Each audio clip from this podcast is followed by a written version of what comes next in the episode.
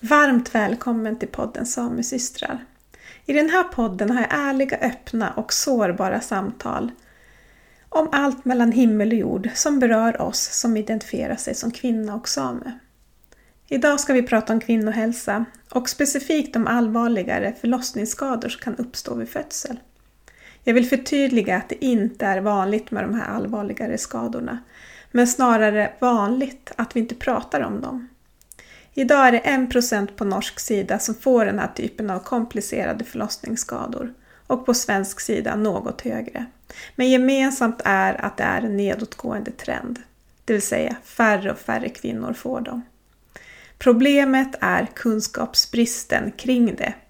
Att det inte klassificeras som en skada och att själva området kvinnohälsa är oerhört nedprioriterat inom sjukvård och hälsa. En av mina lyssnare skrev ett fint meddelande till mig och jag vill gärna citera henne. Kvinnorelaterade frågor, särskilt rörande kropp och graviditet, talar man aldrig och hör aldrig om. Kvinnor har genom historien lidit i det tysta och anförtrott sig till sina närmaste väninnor. Missfall, förlossningsskador, ofrivillig barnlöshet, endometrios, abort och så vidare. Listan kan göras lång. Kvinnokroppen är åtråvärd, skambelagd, äcklig. Tänker på mens. Samtidigt som den förväntas utföra mirakel. Idag har jag med mig Ingrid Kintel från Tysfjord som ska berätta sin historia om hur livet med förlossningsskador är för henne. Hon var 26 år när hon födde sitt första barn som gav henne de här skadorna. Och hon gick från en mycket aktiv livsstil till att behöva ändra livet totalt. Till att behöva vara mycket försiktig med fysisk belastning och helt enkelt så tvingades hon jobba mycket med sitt mindset och med acceptans. Även om det har varit mentalt tufft för henne så har hon kommit stark ut av detta och har fått en fin relation till sitt eget underliv och livet självt. Det är ett vackert och starkt samtal och jag hoppas ni kommer tycka om det precis lika mycket som jag gör.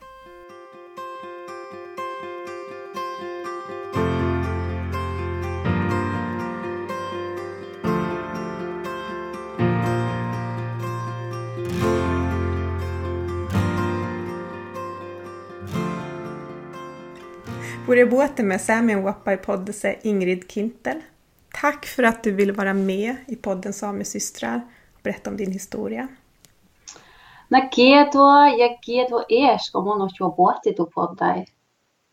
Tusen, tusen takk sjøl for at jeg får lov å være gjest i din podd. Vi hadde et forberedende samtale i går, og det var uhørt starkt og fint. Og jeg vil bare si at jeg er så utrolig glad att du är med. Och tack för det här tipset jag fick om, om dig också. Men eh, innan vi går in på det vi ska prata om så får du gärna berätta lite kort vem du är. Ja, Ingrid, det är mitt namn då. Kommer ifrån Tysjord, norsk sida eh, av lulesamisk område. Och eh, här har jag vuxit upp och så har jag flyttat tillbaka då efter skolegang och studier og slått meg ned her. Fått uh, tre barn uh, i lag med min mann Alexander. Og vi bor, uh, vi bor da her i Tysfjord. På Drag i Tysfjord. Men jeg bruker bestandig å, å presentere meg sjøl som at jeg er fra Tysfjord. For at Drag er den plassen da som mine foreldre hadde jobb og skoler ligger. og og det har jo vært sånn i mange generasjoner, eller det har vært sånn i to generasjoner at man har jobba og hatt en arbeids, et sted for vinter, og så flytter man da inn til fjordene når det blir sommer. Og, så fjorden er Altså hele fjorden er, er i bruk altså året rundt. da. Men når det er sommer, så drar vi tilbake inn i, i fjordene da. For min del så er det Helmofjorden som, som er vårt eh, tradisjonelle boområde. Mm. Hva er det vi skal prate om i dag? Eh, jeg er jo blitt invitert til å prate om eh, vagina og vaginelle skader. som har oppstått etter fødsel.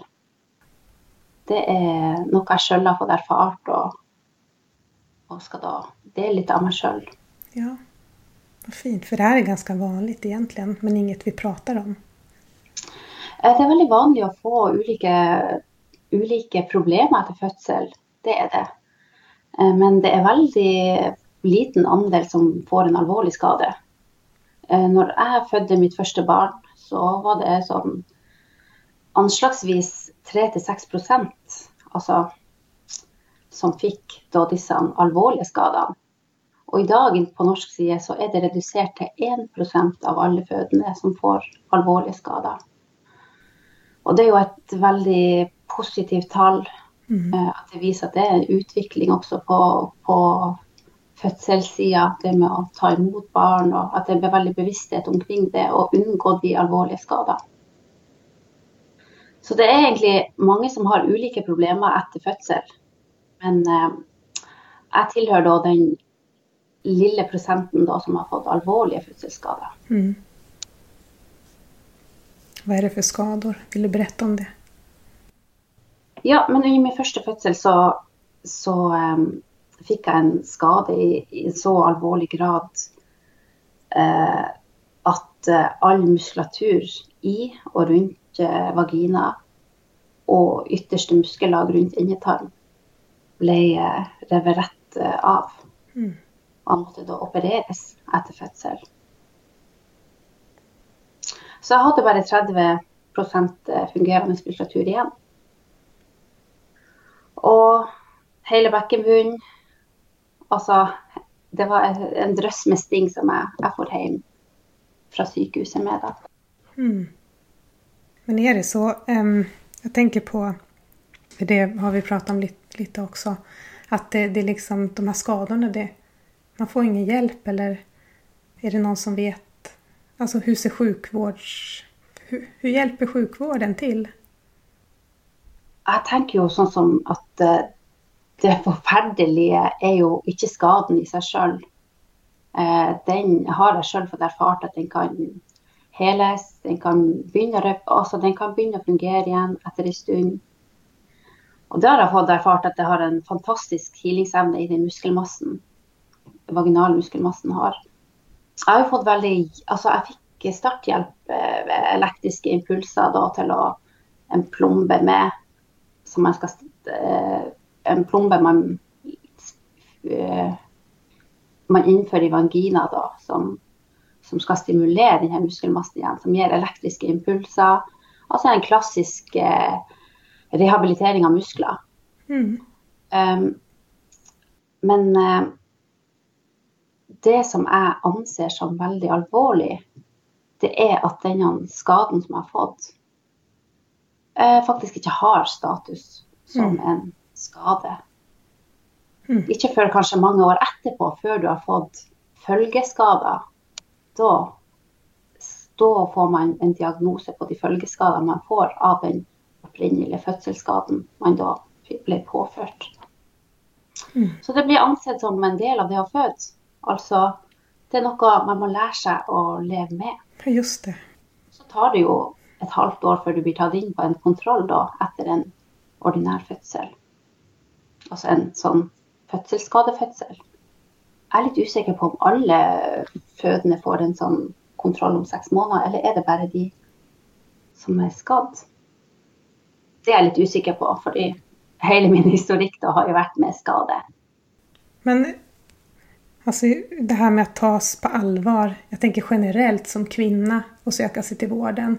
Det är ofta man blir klassificerad som hysterisk och, och man har psykiska besvär och sitter inte i hjärnan och det hör jag ju hela tiden och jag själv har ju också kämpat eh, lite grann. Och det är som att man inte tas på allvar och är, det är antagligen då samma, samma här. Ja, det har vært en lang kamp for min del.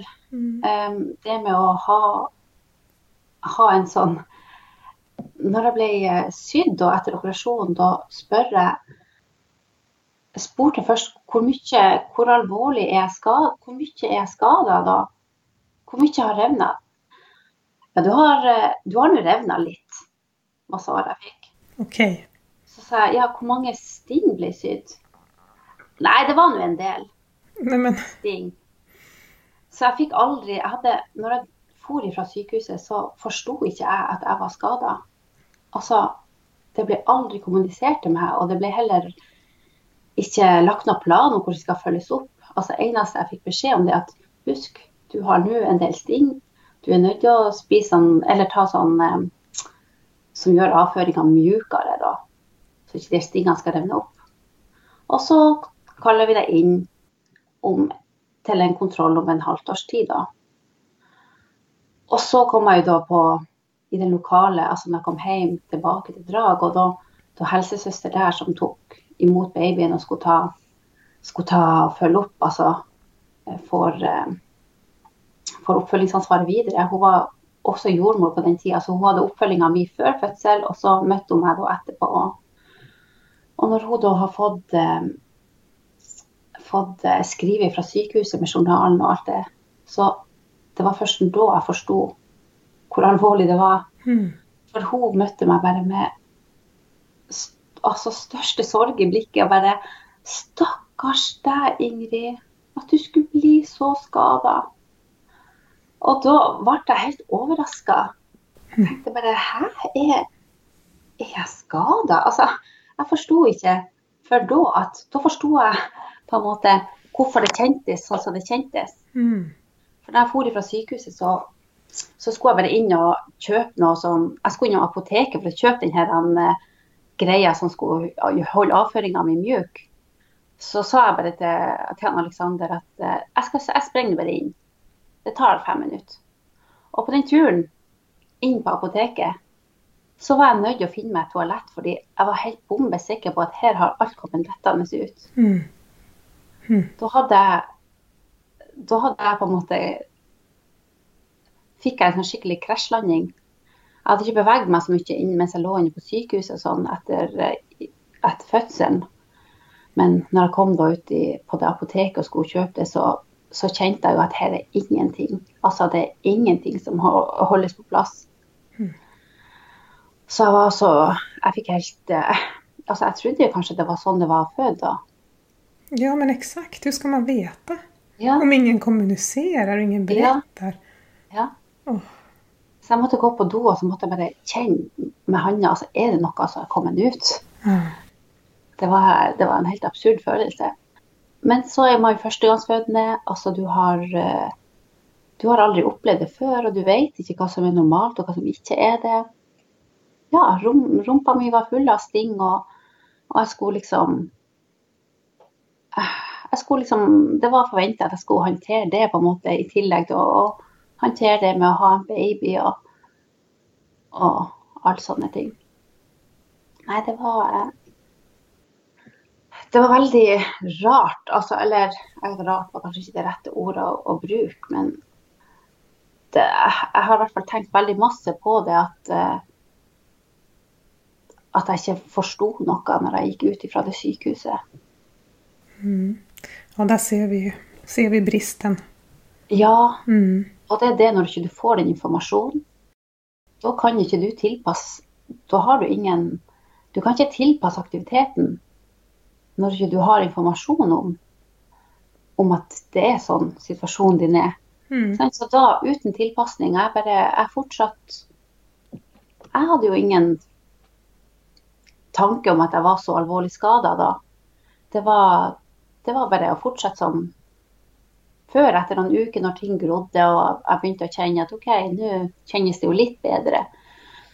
Så har man jo en baby òg man skal ta, ha omsorg for hele tida. Og det betyr at du må ta med barnevogna ut av og til. Du må løfte på den bilstolen. Og da gjorde jeg det som om at jeg Altså, jeg hadde ingen tanke om at det, at det var akkurat det som var litt sånn skjebnesvangert for min del. For jeg kom ut og begynte å plages ganske etter da. Etter en, et års tid, kanskje. Da begynte mine plager å virkelig forverre seg.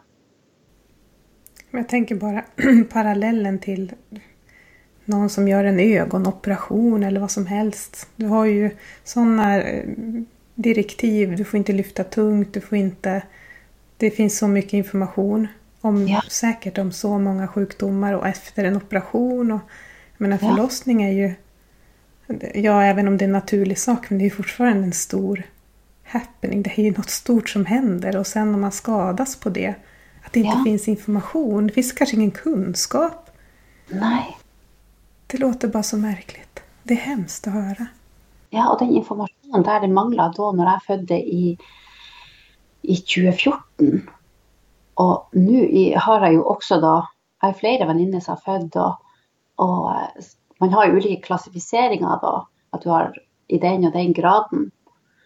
Og jeg har jo en venninne som har skada seg i samme grad, samme, fått samme grad, gradering av skade som meg. Og, og de har heller ingen. Og så Mm. jeg spør hvordan var oppfølginga, hva Og ennå i 2021 så Mm. Er det ingen Det er like lite informasjon. Når ikke man vet at det er en skade, og, og det blir ikke formidla som en skade, så, så vil jo alt det her bare Bekkenbunnen er, er jo kroppens gulv. Det er det som holder oppe alt av indre organer. Og når den er skada, skadd, så, så vil jo funksjonen blir deretter. At det ikke fungerer optimalt. Og fortsetter man da i vanlig tempo eller vanlig trøkk, så vil jo på en måte det skadde området etter hvert begynne å Altså det vil forplante seg bare, denne skaden. Mm. Så det, det var det som skjedde med meg. At jeg, altså jeg har bare dura på som vanlig, og så har det blitt da eh, prolaps. Ført til en prolaps av Altså en underlivsprolaps. Og det er jo Det preger meg i den grad at man har en god del smerter. Altså du har en følelse av at noe detter ned, eller altså på en måte presser ned veldig mye i løpet av dagen. Hvis ikke jeg tar hensyn til det, så så har jeg enkelte perioder der jeg er litt sånn Jeg kjenner virkelig at det er tungt å gå og stå. Jeg har også litt vansker med å holde, holde kroppsvæsker inne, da. Avføring, urin og også luft fra tarmen. Men hur har du... For nå gjør du en spesiell trening. Hypopress og hypopressiv... Jeg vet ikke hvilket språk jeg prater nå, men... Hvordan har du liksom funnet det? Hur har du enda hittat verktyg efter vägen för att, att leva med det här? Ja, det er det at eh, til slutt så når du vel sånn Du er så desperat etter hjelp, og, og når jeg opplevde å bli tatt på alvor av helsevesenet, så har jeg bare måttet google sjøl. Mm.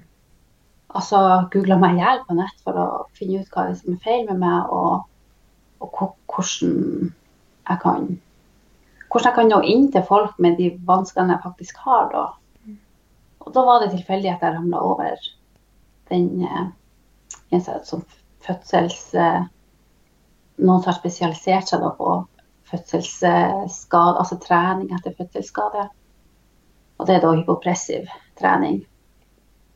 Så eh, det var jo en, egentlig en sånn lifesaver for meg. Mm.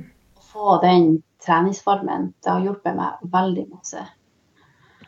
Eh, For når ikke bekkenbunnen fungerer optimalt, så er jeg jo avhengig av å ha støttemuskulatur som, som ja, støtter opp om hele kroppen min. At jeg klarer å, å unngå at det blir et sånn press ned i buken. Hvis jeg får press ned i buken, da sliter jeg.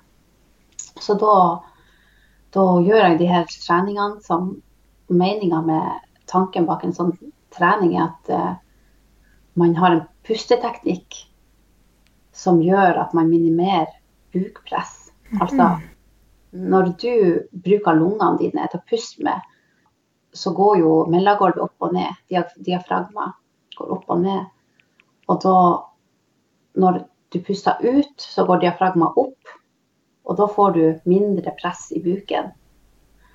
Og da er denne teknikken sånn at den, når du puster ut, og så tar vi sånn falsk pust inn for å skape et vakuum i buken, så skaper man et vakuum som gjør at da er anledninga til å ta de her styrkeøvelsene. Og så kan man puste ut igjen. Så det er veldig sånn pustestyrt trening.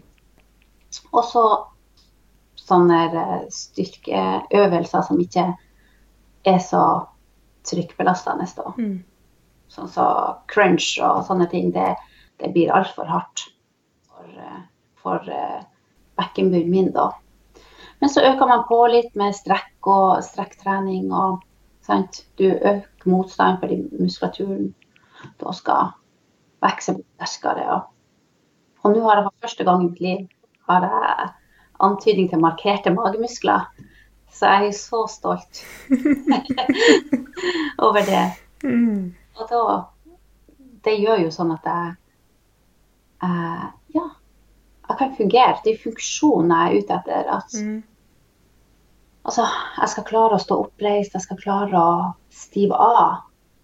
Stive av bekkenet, stive av Sånn at jeg kan gjøre ulike bevegelser uten at presset er der. Og for med en gang presset kommer, da sliter jeg i form av lekkasjer og smerte. Jeg tenker på det här med kvinnehelse overlag. Vi har ju själv diagnostiserats med en, en extremt vanlig kvinnosjukdom, endometrios. Det är ju 10 procent av alla som, som har det. Och, men just det här med att få diagnos och få hjälp och få få någon behandling och sådana där saker. Att det, det är så extremt svårt för, för, för de som är född med, med en livmoder då och, och få de här olika sjukdomar kopplade till underlivet och så. Och det nämnde du också igår, det här med att hur forskningen... Alltså det finns ingen forskning på de här sjukdomarna. Det forskas inte, de får inte anslag. Det är så otroligt nedprioriterat. För vad då? I mitt fall då, men man ska ha ont när man har mens. Menssmärta ja. är normalt. Det, vi ger p-piller, det är lösningen. Och så trycker man undan symptom och med, med hormoner som stänger av hela reproduktionssystemet. Det är lösningen liksom. Eh, det är så hemskt. Oh. Det är lösningen för oss, för oss kvinnor. For oss fødte med livmoder i alle fall det virker som en sånn kamp imot noe du aldri kan vinne over, nesten. For hele verden er designa for menn. All innovasjon, da er det menn som er, er modellen for alle ting. Ja. Det er jo sånn med, med Om en kvinne er involvert i en bilulykke, så er det jo nesten 50% høyere sjanse for at en kvinne blir skadd. Alvorlig skadd pga. at bilbelter og sånne ting eh, ikke er designa bilbelte og de der uh, Ja, de er ikke designa for kvinners høyde og kropp. Det er jo menn som har vært prøvekaniner alltid. Just det. Så det er jo det at vi aldri er standarden. Nei. Vi tilsvarer aldri en standard. Det er alltid menn som er standarden. Og det er jo dessverre det med alle som vaginelle skader. Det angår jo ikke menn, og da, da har ikke det den samme du har ikke den samme kunnskapen. Da får du den kunnskapsbristen i, i helsevården. Mm. Och det er liksom samme løsning år efter år efter år. Alla vet jo at hormoner kanskje ikke er så bra. Och ja. proppa unga tjejer fullt med p-piller bara för att de har menssmärta till exempel. Då, eftersom det är det jag kan relatera till. Ja. Att det liksom är lösningen. Um, menar, men vi befolkar ju halva jorden och ändå är vi så nedprioriterade när det ja. kommer till kvinnohälsa. Ja. Mm. Och även till det här med, eh, jag tänker på förlossningsskador och så, att det liksom det verkar inte finnas kunskap. Det finns säkert, men svår att hitta och det är special och det man ska ha tur och, och lite sådana där grejer. Ja. Men att det är så... Det är inte sån allmänt god tjänste, eller ja, det är väldigt lav kunnskap som i det hele, sånn som du sier. Mm. Men for en av løsningene for meg da når jeg kom, og etter hvert så oppdaga de at oi, det var jo en skade her, og oi, du har fått prolaps. og så var løsninga at men vet du hva, du kan ikke få barn på en god stund. Vi, vi må, du må få i Vi må sette i en spiral sant, for å hindre at det skal komme altså flere graviditeter som selvfølgelig ville være veldig belastende for mitt underliv da, der og da. Og jeg var jo så sliten, og jeg var så Det høres jo veldig fornuftig ut. og, og altså, Så jeg, jeg, jeg samtykka jo i det og, og, sa OK, det høres jo veldig greit ut, det der, og vi skal finne en løsning på det. Men jeg opplevde da, når jeg fikk en spiral, altså hormonspiral i kroppen min og jeg opplevde at jeg trivdes ikke med å vite at jeg var der. Altså, det at jeg ligger og sprer hormonlignende eh, substanser rundt i kroppen, det gir meg egentlig sånn litt ubehag å tenke på det. Og at det er bare sånn Det er en grei løsning. Men for meg så ble det veldig eh, vanskelig å forholde meg til det. Mm. Og strevde Altså, jeg hadde jo den i et års tid, kanskje. I, uh, og jeg hadde jo likevel problemer med, med min skade og sånn. Men så bestemte jeg meg da et tidspunkt at jeg ønska å ta den ut, fordi jeg trives ikke med tanken på å ha den inne. Og at jeg ønska å Da hadde jeg jo googla masse og liksom satt meg veldig inn i temaet kvinnehelse. Og, og oppdaga det at faktisk det å tenke syklisk, det, det, er en fordel for mange ting. Og det med å ha sin syklus, eh, normale menssyklus, det er kanskje en styrke, og det er sånn sunn eh, Det viser jo at det er en sunn kropp, da. Mm. Eller det er målestokken for en sunn kropp, kanskje, kan man si. Ja, det er jo det. Litt, litt, mer om det temaet enn meg. Men jeg bestemte meg i hvert fall at jeg skulle, jeg skulle eh, be om å få ta den ut da, og, og, leve vanlig da, med ha en vanlig menstruasjonssyklus. Og det jeg opplevde da, å leve med den skaden som jeg hadde, det ble veldig mye enklere. Fordi at du har den her faste syklusen som går rundt og rundt, og du har faste blødningsdager og eggløsning etter hvert, så vet du når de kommer, de her tingene.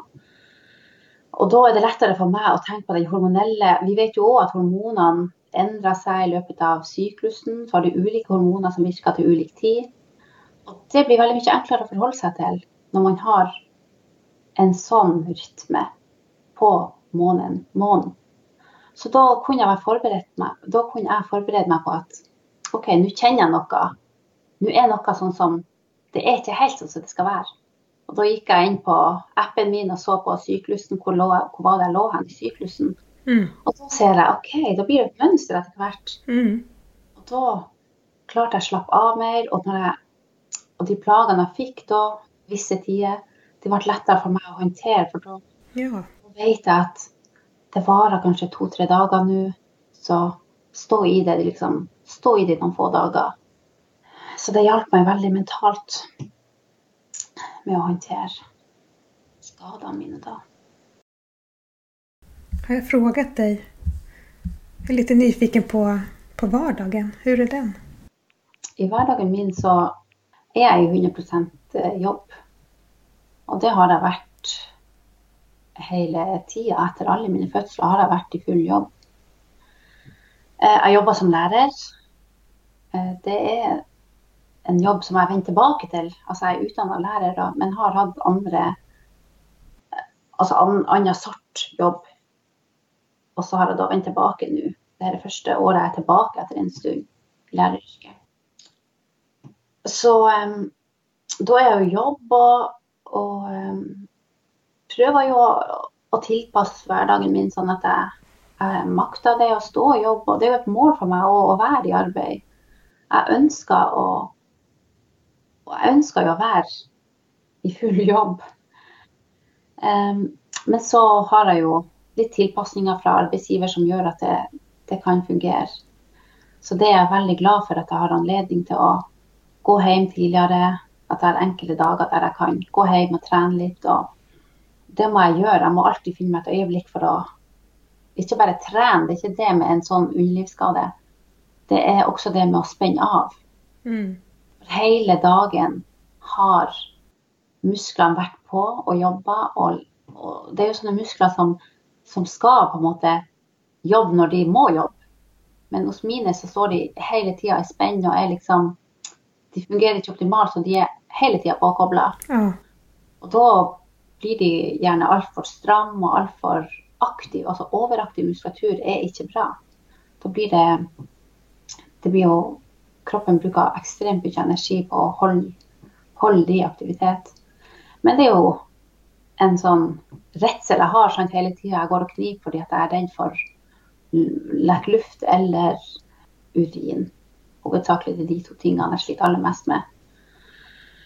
Um, så da er jeg nødt til å finne tid til å spenne av og la kroppen få slappe av, og muskulaturen få slappe av. Så har jeg lært meg noen sånne øvelser òg, at først spenne av, og så seinere jobbe med styrke, da. Mm. Men jeg er nødt til å ha en liten sånn overgang der med avspenning før jeg henter unger fra barnehage, eller før man begynner å lage middag og sånne ting. Sånn at jeg er klar for å dag, altså Min jobb slutter ikke etter jobb. Jeg har jo tre mm. unger, så, så, det er full rute helt, helt til at det legger tid. Og så er det jo da for meg å bare Da er jeg helt skutt. Når mm. ungene er lagt seg, så er jeg òg ganske så skutt sjøl. Men eh, det er selvfølgelig mange tilpasninger man er nødt til å gjøre når man har en sånn fødselsskade. Jeg løfter minimalt på egne unger. Det er alltid mannen min som må løfte på ungene. Uh, skifte bleie på de. Hva skjønt! ja, altså det Nei, jeg skojar jo Det, det, er sånn det må være da, for å få mm. ting til å gå rundt. Mm. Men han eh, Selvfølgelig, han har jo òg Det er ikke bare jeg. altså Det påvirker jo hele familielivet at uh, familielivet at en at jeg er skada. Og det er jo det at jeg har jo mannen min som min største støtte i det her. og Ofte holdes jo fokus på min kropp og min helse. Men jeg vet jo at han òg lir under denne situasjonen. Uh, han holder ting gående, tar seg av hus og unger, matlaging og sånne ting. Så jeg vet jo at han òg er sliten og frustrert til tider. Mm. Men jeg har alltid følt kun på kjærlighet fra hans side. Og eh, jeg vet, jeg ser jo hva han gjør for meg, og hva han gjør for oss som familie. Og det, det, det skal jeg aldri glemme. Jeg blir alltid, jeg blir alltid å huske på det han har gjort for oss og for meg. Mm. Blir så rørt. Ja. Mm. Nei, så sånn er det med meg. Åh, jeg er så jeg er så glad i vaginaen min. Jeg har, jeg har et veldig nært forhold til min egen vagina. Altså, jeg elsker den virkelig. Den har gitt meg alt godt i livet. Men jeg kan jo òg kjenne at jeg Altså, jeg, at jeg kan hate den også. Altså, jeg har virkelig dager der jeg virkelig har det. Kjenner en sånn skikkelig vaginahat. Den er med meg i alle mine våkne timer det er sånn, Jeg føler at jeg og vaginaen min det er sånn to likeverdige parter i livet mitt. Jeg har det liksom som en slitsom søster som ligger og, og drar meg i armen og minner meg på at ja, jeg er her, jeg er her. Så um, det er på en måte Jeg må ha det med meg i alle ting jeg gjør. Jeg må liksom ha en sånn Før jeg gjør ting, så må jeg alltid sjekke med vaginaen min. Hvordan har den det i dag? Mm. Mm. Kan jeg være med på det? Kan jeg gjøre sånne ting? det og det. Så den skaden har jo vært altså, skikkelig pyton. Jeg har sånn Det er skikkelig dritt. Jeg unner ingen å oppleve det. Men samtidig så har det jo gitt meg det her helt nære relasjonen til mitt eget underliv. Just det. Mm. Jeg kjenner bare sånn veldig nærhet til den og, og liksom sånn veldig kontakt med den. Og um, når jeg legger meg ofte etter en dag med skikkelig sånn vaginahat, så kjenner jeg liksom bare at å, det var godt å legge seg ned. Kroppen min trengte å hvile. Og det var liksom bare det vaginaen min òg trengte. Ja. Jeg trengte bare hvile, omsorg, avslapning. Og da kjenner jeg bare at altså Da kommer tårene mm. hos meg når jeg skal legge meg etter en sånn tung og tøff dag. at hvor urettferdig og hard jeg har vært imot meg sjøl og, og, min egen vagina at det er jo virkelig Den har virkelig bare Den har jo gjort så mye for meg i livet at jeg burde kanskje sette mer pris på den. Og jeg burde kanskje være litt mer god imot meg sjøl og mer Det høres kanskje rart ut for andre, men, men sånn er det når man har den vaginaen hele tida. Det samspillet jeg har med deg. Mm. Jag tycker det låter jättefint. Mm. Det var när jag valde att sluta med mina p-piller för endometriosen. Jeg jag valde att eh, ta tag i den sjukdomsbilden själv på egen hand med alternativ medicin.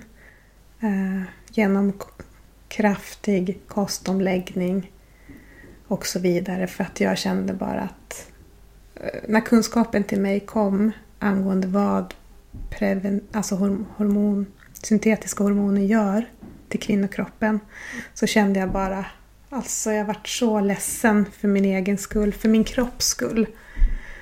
Eh, och det var en podcast som jag hörde om just om det, liksom att jag bara kramade om min kropp och bad om ursäkt. Ja. För fem, tio, tolv års medicinering och avstängd av reproduktionssystem. Och jag kände det, alltså min kropp har ju, den har velat varje månad egentligen kicka igång och liksom ha sin menstruation. Så just den där känslan av att förlåt, alltså att jag bara, oh, förlåt jag ska aldrig mer ge dig något skit liksom. Så att det gick väldigt bra för mig. Jag är friskförklarad från endometrios. Jag har inte de här smärtorna längre och äter inte. Yes. Det är så fantastiskt. Ja, det är verkligen. Så, just den där att få... Det låter så fint det du säger, din, din relation till din vagina. Att den... Jag menar, jag kan relatera lite själv till det. Jag tycker det låter jättefint. Ja. Och så det att vi ska ta hand om våran kropp. Alla delar. Ja. Mm. Det är så viktigt. Mm. Nei, så eh, Det har vært en kjempestor jobb for meg å komme meg gjennom det her. Og jeg er jo ikke ved veis ende. Altså, jeg har ennå mange ting som Jeg har jo oppfølging av helsevesenet, men de er ennå på det der at uh, de undersøker en sånn mus muskelbrist som jeg har ser ut til å ha få, eller har fått. Så uh, det kommer an på, på måte, hvor den muskelen er skada. Om det er liksom akkurat muskelfeste, eller om det er et sånn rent kutt. Så det liksom Det kommer litt an på hvilken måte den er skada på. Det skal vi da sjekke opp nå ganske snart og gå videre. Men eh, de har nå gitt meg en sånn, et signal om at jeg må nok leve med de her skadene for resten av livet. Og at dessverre så blir det bare verre når du kommer i overgangsalder. Mm. Det er jo noe kroppen går gjennom andre, altså hormonendringer mm. der. Og det, det, tenker jeg òg at herlighet, overgangsalderen, det er så lite Det er et tema som ikke Det på en måte begrenser seg til kanskje hetetokter man hører, og, og slim, slimhinner som har endres. Altså Det er kanskje det jeg har hørt om, om overgangsalderen. Ja. ja, det er samme der. Vi vet inget om det heller. Mm. Men det er jo en kjempeomveltning også for ja. kvinnekroppen.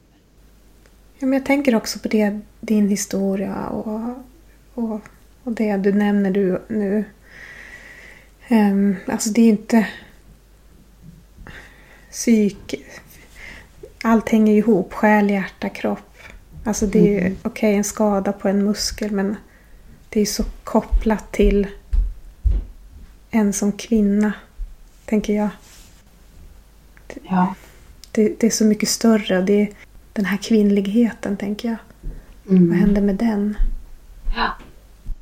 ja. Nei, det er mange ting man ikke Man får så lite informasjon om, rett og slett. Du må nesten være sånn Stå i det for at du skal finne ut av ting. Altså sånn, Det er først da du får infoen.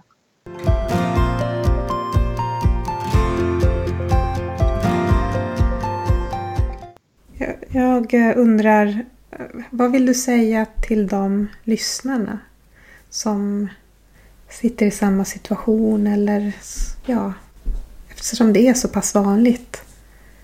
Och jag vet ju också att det är många kvinnor som inte, alltså, man söker inte hjälp, får ingen hjälp, känner sig det är mycket skam kopplat. Um, men har du något du vill säga till dem? Ja, vet du, det er bare å stå på kravene. Jeg er helt bestemt på at det som burde bli gjort med det her, er at alle som blir diagnostisert med grad 3 og 4 ruptur, de burde ha blitt automatisk sykemeldt. Og hvis du får en sånn skade, grad 3 eller grad 4, nekt å gå ut av det sykehuset før du har en sykemelding i handa. Mm.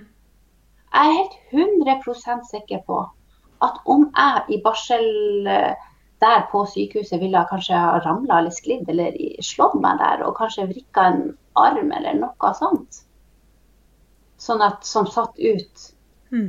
70% av min armmuskulatur, la oss si det sånn, ja. så ville jeg Jeg er sikker på at hele vården ville liksom sørga for at, at jeg får en sykemelding fordi jeg kanskje kan bære ungen min. Jeg kan ikke ta vare på den. Eh, en, eller la det være en fot, eller noe sånt. Mm. Så, sånn at man skal jeg er helt sikker på at da hadde pappaen kunnet fått vært hjemme i fire ekstra uker for at jeg skulle bli frisk. Altså, det er jeg helt uh, overbevist om ville ha skjedd. Mm.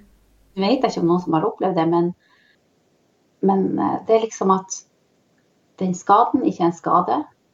Da gjør man ingenting med det. Er, altså, det er det som ryster meg mest, at ikke det kan klassifiseres som en skade når du har fått de to alvorligste rupturene, bristene at ikke det automatisk går inn. Her er en skade som har skjedd. Her trenger mor ekstra hjelp til å ta hånd om barnet. Altså må bare først bli frisk. Egen kropp først. Mm. Og så skal man være i stand til å ta hånd om et barn etterpå. Så det er helt absurd. Men det sier jeg bare det. Hadde jeg visst av det jeg vet i dag, så hadde jeg nekta å gå ut av det sykehuset før jeg hadde fått en sykemelding i hånda. Jeg er helt sikker på at uh, samfunnet tjener mer på det. Ja. Den ene prosenten som skader seg så alvorlig, 1% av alle fødende nå i, i, Norge i dag, det koster samfunnet mye mindre å gi den ene prosenten en sykemelding enn at man skal gå år etter år etter år. Inn, ut, inn, ut. Mm. Og med veldig mange ting. Mm. Jo, absolut. Jag läste på lite på svensk sida också hur mycket vissa sjukdomar eh, kostar samhället och att ja, som hade, ja, det hade kunnat, alltså kvinnosjukdomar då, för att hela många, många positioner som kvinnor har, de stannar ju upp. Alltså att det blir liksom en nedåtgång för hela samhället. När till exempel en kvinna inte kan gå till jobbet. Mm. Men det, det, har inte, ja, det var inte riktigt samma sak. Men just hela grejen att, eh, som du håller med det du säger, att låt kvin, kvinnan, alltså att ja, få den där sjuk, sjukanmälningen. Mm. Men det är återigen alltså, att det, det, är så låg, låg status och inte klassificerat som en sjuk, som en mm. skada. Mm. Ja. Mm. Nei, jeg vet ikke hvor mange uker man får sykemelding for å vri menisken eller altså sånn kneskade. Og det er jo mm. Det er liksom ingen problem å få sykemelding for det. Men underlivet Nei da, det er sånn de har født. Mm. Nei, jeg, jeg, jeg, hadde jo vært i jobb eh, etter Jeg husker ikke om det var første eller andre fødsel. Så, så hadde jeg vært i jobb en stund, og da, da kjente jeg på at nå stoppa kroppen helt å fungere. Altså, jeg begynte å slite veldig masse.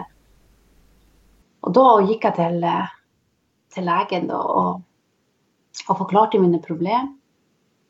Og legen kan jo sjekke og se at ja, du har jo hatt en skade under fødselen. Altså alle sånne ting. Men han så bare på skjemaet. Altså, ja, har du symptomer? Altså det og det symptomet. Og når jeg ikke lakk avføring på det tidspunktet, så sa han det at nei, men da kan ikke jeg sykemelde deg. For du liksom oppfyller ikke den, det kriteriet for sykemelding. Og jeg kjente jeg ble så sint at det går an. Altså her har jeg alvorlige problemer med å stå og gå. Mm. Og så vil han ikke sykemelde meg fordi at jeg ikke lekker avføring. Så jeg ble så sint på den legen og bare Seriøst! Du ser jo at jeg er skada under fødsel og Å, hadde jeg vært kjempesint. Og da, da, så han bare på meg og sa han ja, jeg ser at du er psykisk uh, ustabil, så du skal få en sykemelding. Du skal få en sånn så syk, psykisk uh, Det er årsaken til at du skal bli sykemeldt. da. Okay. Ja. Mm. Så det kjente jeg. Da ble jeg altså så sint. Men OK, jeg, jeg, jeg klaga ikke på det, for jeg tenkte en sykemelding er en sykemelding. Ja. Jeg, jeg, får bare være psykisk ustabil i hans øyne. Uff, det er så tragisk. Ja, det er. Det er supertragisk. Mm. Um, jeg tenkte på en grej uh, som Når du har skrevet på Instagram om det her, så er det mange som svarer og sier at du er modig. Och så har du svarat att, ja, men att, det, att, att du inte är så modig. jag tycker ju det då. Men um, vad skulle jag säga med det? Ja, men just det här att det känns ju för mig då, nu har jag, jag känner inte dig sen tidigare så, men eh, just det här att våga prata om det här. Har du alltid varit sånn? Ja, det vil jeg si. Jeg, altså, jeg må jo si til deg, jeg er ikke så modig. Jeg bare, jeg bare kjenner at det er helt OK å prate om det. Mm. Altså, det aller meste, egentlig. Ja. Eh, jeg har ingen sånne store sperrer. Heller har jeg kanskje ikke helt antenner til å ta inn at, at andre syns det er litt sånn følsomt. Men eh, jeg har liksom alltid tenkt at det er helt OK å prate om det. Mm. Jeg anser jo min fødselsskade som Altså, en skade er en skade. Mm. Sånn tenker jeg. Så enkelt tilnærmer jeg meg det, liksom. At det er som en hvordan som helst annen skade. Og det om det er en sånn type meniskskade, så kan jo folk prate åpent om det. Det er jo ingen som syns at det er noe rart. Det forteller man jo gladelig til folk at nei, jeg har skada kneet, og nå er jeg ute av jobb i så og så lang tid. Og, mm. Eller skada, skada kneet under fotballtrening. Og, mm. og sånn tenker jeg, det må, dit må vi komme òg når det gjelder fødselsskader. Ja. Ja, jeg skada Jeg skada vaginaen min under fødsel. Eller jeg skada bekkenbunnen min under fødsel. Det er bare Sånn er det. Jeg tenker det er så viktig å separere på saker og ting her. at det har jo ingenting med, med dig då till exempel som person att göra. Det är ju inte du som har gjort fel. Men att, Og och att man separerar på de här sakerna. Liksom. Okej, okay, jag född, alltså det är som att födas med en skada också. Jag har ju inte gjort någonting för att få den. Det har inte med mig som person att göra. Ja. Och jag tänker att det här avsnittet, alltså jag tror verkligen att det kommer beröra och inspirera så otroligt många lyssnare. Och det är ju en, en stor drivkraft i min podd. Alltså jag vill lyfta tabun då och känsloämnen. ämnen. Jag tycker att det, det är ju ett sätt att faktiskt lyfta på locket, vädra saker och, och inspirera och försöka i alla fall göra någon skillnad. Uh, allt, det är alltid någon som tar med sig någonting. Och då är det ju positivt tycker jag. Mm. Mm. Så det vill jag igen tacka för att du har varit med och pratat um, om det, det här ämnet. Det känns en glädje for meg å, å kunne være med. Samtidig som jeg syns òg det er litt skummelt å mm. liksom være den som snakker om fødselsskader i stor skala. Det er jo liksom litt nifst. Ja. Eh, jeg hadde jo, sånn som du sa, skrevet litt på Instagram om fødselsskader. Um, det er sånn at jeg hadde skrevet denne teksten da, eh, eller en av de tekstene da, og så møtte jeg ei mor av ei venninne av meg. Jeg møtte henne på eh, forelesning. Hun hadde vært på et sånn Jeg møtte henne på konferanse. Og så gikk jeg bort til henne og tenkte jeg må hilse på mora til venninna mi. Så gikk jeg bort og sa hei, jeg heter Ingrid, jeg kjenner jo dattera di. Og så ser hun på meg. Ingrid. Så ser jeg det går rundt i hodet på henne. Så sier hun Å ja, det er du med de fødselsskadene! Just det. ropte hun ut sånn utover hele. Ok. Ja. Jeg tenkte bare Hun var jo også en sånn herlig dame som bare Ja. rett ut. Altså, ja. Det var liksom ingen Ingen filter på henne heller. Tenkte ja, det er egentlig sånn det Det skal være helt greit å være hun med de fødselsskadene. Just det. Ja. Jag skulle vilja avsluta med en grej och det berättade du igår. Det samiska ordet för vagina. Ja. Nej, vi har jo eh, eh, Samegelle, så sier vi eh, Julev Samegelle, så sier vi eh, om vagina det, det, det har jo flere navn, altså. Men eh, vi kaller det for eh, Vollevajamo. Og det betyr eh, det nedre hjertet. Mm. Det er, sånn, det er et navn som fyller meg med altså, ja, veldig mye eh, varme, egentlig, når du hører det bli sagt. Og i lulesamisk så, så deler vi Altså, vi har to ord for hjertet. Vi har ett for det fysiske hjertet, som er sokke. Det er jo det som banker og slår både i dyr og mennesker. Og så har vi en vayamo, det er det abstrakte, det er på en måte knytta til kjærlighet og varme og omsorg. Det er vayamo. Mm. Så det tenker jeg at eh, det sier så mye om underlivet vårt. Mm. Det minner meg òg på om en historie som jeg hørte så, Eller en historie for meg. Eller sånn liv Leve Hva skal jeg kalle det for? En sånn livsregel som jeg hørte som barn. At eh, hvis du er ute i skogen eller til fjells, og så møter en bjørn, så kan alle kvinner kan ta ned altså buksa eller ta opp gaptien, ta opp gaptien ned og vise vulvaen sin til bjørn. Og da vil bjørn bøye seg unna og luske av gårde. Mm. Det har jo alltid vært kraft knytta til kvinners vulva, kvinners vagina. Tenk at det er det som bærer livet. Og fødselsblod, mensblod, Mm. jeg tror det er det eneste blodet som ikke oppstår gjennom vold, da. Så eh, jeg tror at alle mennesker elsker vaginaen. Altså, de har alle, man har alle vokst i en vagina. Alle vi har jo et forhold. Alle mennesker på jorda har et forhold til en vagina. Så det viser meg jo litt om også det som i språket vårt at det er vold, voldevajamo. Det viser at den Ja. Og den kraften som vi har ved møtet med bjørn. Mm. At det er noen rester av i språket vårt og historien vår som forteller noe om den kraften som er det kvinnelige. Men da må jeg også komme inn på det som jeg reagerte litt for noen, for noen år siden. Var det i 2018 det kommet en ny sånn medisinsk ordbok for, eh, på lulesamisk.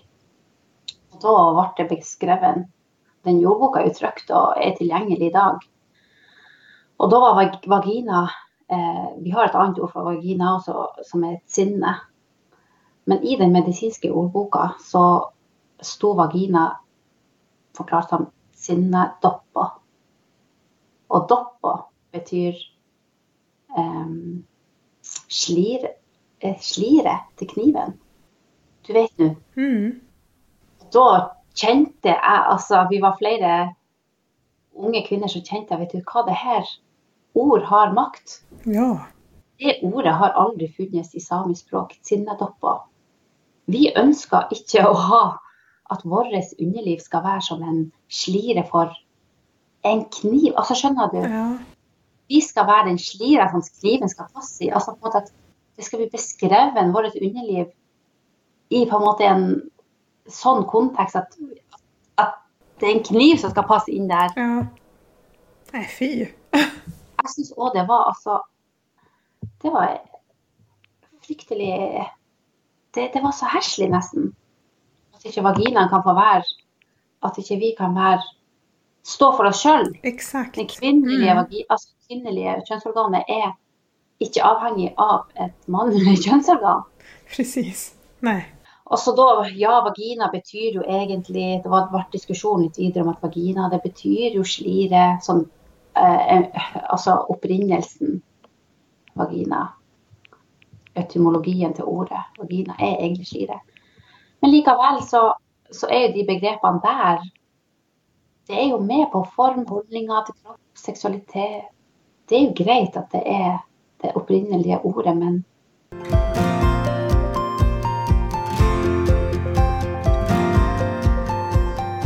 Har du noe du vil tillegge? Noe du vil si? Ja, jeg vil bare si at uh, selv om jeg lever med en skade og har levd med den i mange år, så Altså, det er jo ikke bare bekmørkt. Jeg syns jo det er fortsatt vanskelig å leve med en skade, men jeg forsoner meg mer med den og tenker at det er jo en prosess som som man klarer etter hvert å, å, leve med det og akseptere at sånn er livet. Um, og samtidig så tenker jeg nå på en sånn Jeg tenker på skaden min litt sånn tosidig.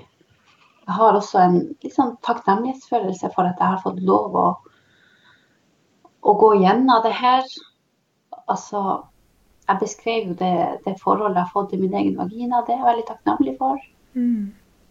Så jeg er litt takknemlig for at jeg virkelig har fått lov å kjenne på bunnen av bunnen. Altså, jeg har fått stått helt mentalt på bunnen. Og jeg har fått lov å kjenne meg som verdens lykkeligste menneske. Og det er på en måte Det er ikke alle som Altså, mange holder seg på normalgraden og har veldig sånn svingninger som er sånn innenfor normalen. Men men jeg tenker at ja, det har vært tøft. Men jeg har likevel hatt et apparat for å takle disse utfordringene. Sånn sett så har jeg jo hatt et sånt godt grunnlag for det første fysisk, altså helsemessig. Alltid vært aktiv. Har hatt gode grunnvaner i forhold til kosthold, aktivitet. Og ikke har jeg hatt sånn anlegg for å være for fedme, som er veldig kritisk for en sånn her skade. Så jeg er jo heller ikke disponert for psykisk sykdom. Sånn. Og jeg har fått egentlig gode verktøy for å håndtere ting mentalt. Og alt det her er på en måte bare en verktøykasse som man er blitt Sånn som du sa i begynnelsen, det er helt tilfeldig hvem som kommer ut for en sånn skade. Og da har jeg tenkt at herlighet, det var helt tilfeldig at det ble meg. Og, men men herlighet, jeg har, jo, jeg har jo alle verktøyene for å klare å komme gjennom det. Det er på en måte det jeg har vært driven min gjennom det. At uh, det er på en måte en sånn OK følelse i sum som jeg sitter inne med. Og det har gitt meg litt sånn anledning til å reflektere over de verktøyene som jeg har fått gjennom egen barndom, egen oppvekst. Altså det med det grunnlaget som alltid gis hvert barn i barndommen, det er jo det grunnlaget man har for å håndtere alle hendelser i livet. Og jeg har jo hatt en veldig trygg oppvekst. Og jeg har hatt stor frihet til å erfare omgivelsene og, og den selvstendigheten som jeg og veldig mange andre samiske barn blir øva i det må vi bare løfte fram og tenke at det er en så stor styrke i vår barneoppdragelse. Mm. Det gir mennesker verktøy for livet. Så det tenker jeg Det må vi bare fortsette å kommunisere. At samiske foreldre de må være trygge på den oppdragelsen og det, det man gir til sine barn, fordi det er et Altså, det er en styrke for voksenlivet. Og så lever man jo i et sånn fornorska samfunn, ikke sant. Og man tenker at ja, at man skal passe inn i en sånn norsk kode, eller kanskje for dere til svensk kode. Og, og, da mister man kanskje litt av det samiske, den delen av oppveksten. Men det er liksom det jeg tenker at det har jeg vært kjent på nå som når jeg har strevd veldig masse, at herlighet jeg har jo fått alle verktøyene. Det er bare at jeg sjøl har måttet på samle meg og funnet dem fram. Og eh, det er virkelig Det er virkelig mange ting som, som har eh, Som jeg som voksen har tatt med meg fra Ja. Eller jeg kunne tatt med meg det inn i voksenlivet. Tusen takk for din ditt Ja, jeg blir helt fascinerad av å lyssna på deg. Takk for at du har vært med i min podd. Tusen takk sjøl. Jeg er jo overraska over at du ville ha meg med. Og, altså, det det syns jeg var veldig fint. Ja, nei, jag är superglad för tipset jag fick. Det här, det, det, ja, det känns bara så bra. Jätte, jättebra. Mm.